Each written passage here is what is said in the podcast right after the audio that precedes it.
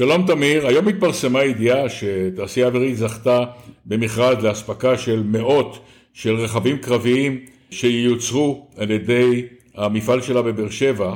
מדובר ברכבים קרביים מתקדמים. הדבר מוכיח שלרכבים הקרביים המתקדמים יש עדיין מקום של כבוד בשדה הקרב המודרני, והתעשייה האווירית הוכיחה שהיא מסוגלת לייצר כלי כזה כשעליו מותקנות מערכות שהופכות אותו לבעל יכולות ובעל חשיבות גדולה בשדה הקרב. מה אתה יודע על הנושא הזה, תמיר?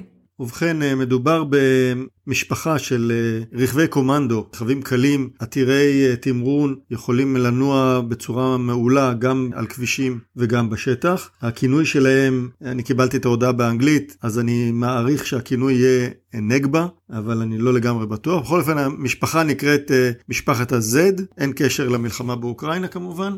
שני הרכבים שבהם מדובר זה Z-Mag, שהוא הגדול מביניהם, וה-Z שהוא בעצם אה, מין פלטפורמה קטנה, קלה מאוד, שמאפשרת ליחידות מיוחדות לתמרן בשטח. אז מצד אחד היית יכול להגיד, נו מה חדש בזה? זה קומנדקר. אז זה לא. מדובר ברכב עם עתירות יוצאת דופן. הוא פותח על ידי מומחה האווירות עידו כהן, שמייצר אה, כבר הרבה שנים רכבים לתחרויות. הוא פיתח את הזיבר, אם אתה זוכר, רכב שנרכש על ידי כמה צבאות זרים וגם בישראל, ועל הבסיס הזה פותח הזימאג וה-Z עם כמה דגמים אחרים. תעשייה אווירית לפני שנתיים רכשה את זכויות הייצור של הרכבים האלה, ועבדה כשנתיים בליטוש והתאמה של הרכבים ושל מערך הייצור לצרכים הצבאיים. ואכן הצליחה להביא הזמנה יפה של מעל 100 מיליון שקל כ-30 מיליון דולר למאות רכבים שיסופקו לכוחות המיוחדים של אה, צה"ל.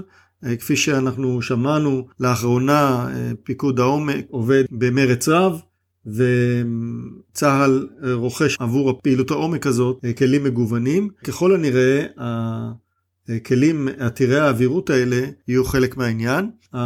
הייצור של הזימאג וה-Z יהיה בבאר שבע, במפעל שבעבר היה מפעל של רמטה, ששם יוצרו רכבי ראם, אם אתה זוכר אותם, וסירות הפטרולים הסופר דבורה.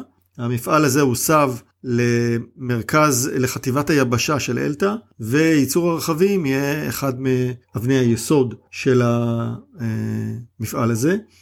ההחלטה הזאת חושפת שוב את הפעילות הענפה בתחום הרכב הצבאי, הרכב הקרבי. אנחנו מכירים את חברת פלסן שמפתחת ומייצרת גם מיגון של רכבים וגם כלי רכב. פלסן עתידה להציג בתערוכת יורו סאטורי כמה חידושים מאוד מעניינים בתחום הרכב הקרבי.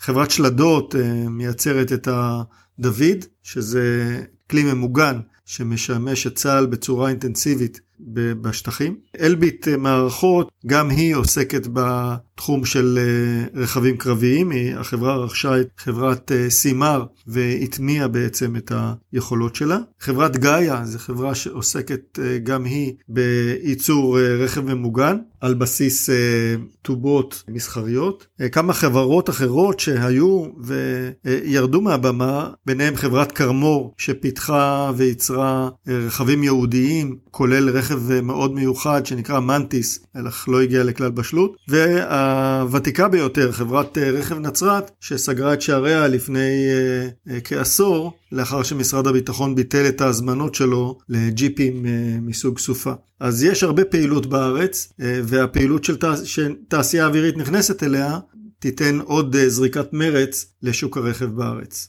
עד כאן אריה, נמשיך ונבחן את העניין בפודקאסטים הבאים. להתראות.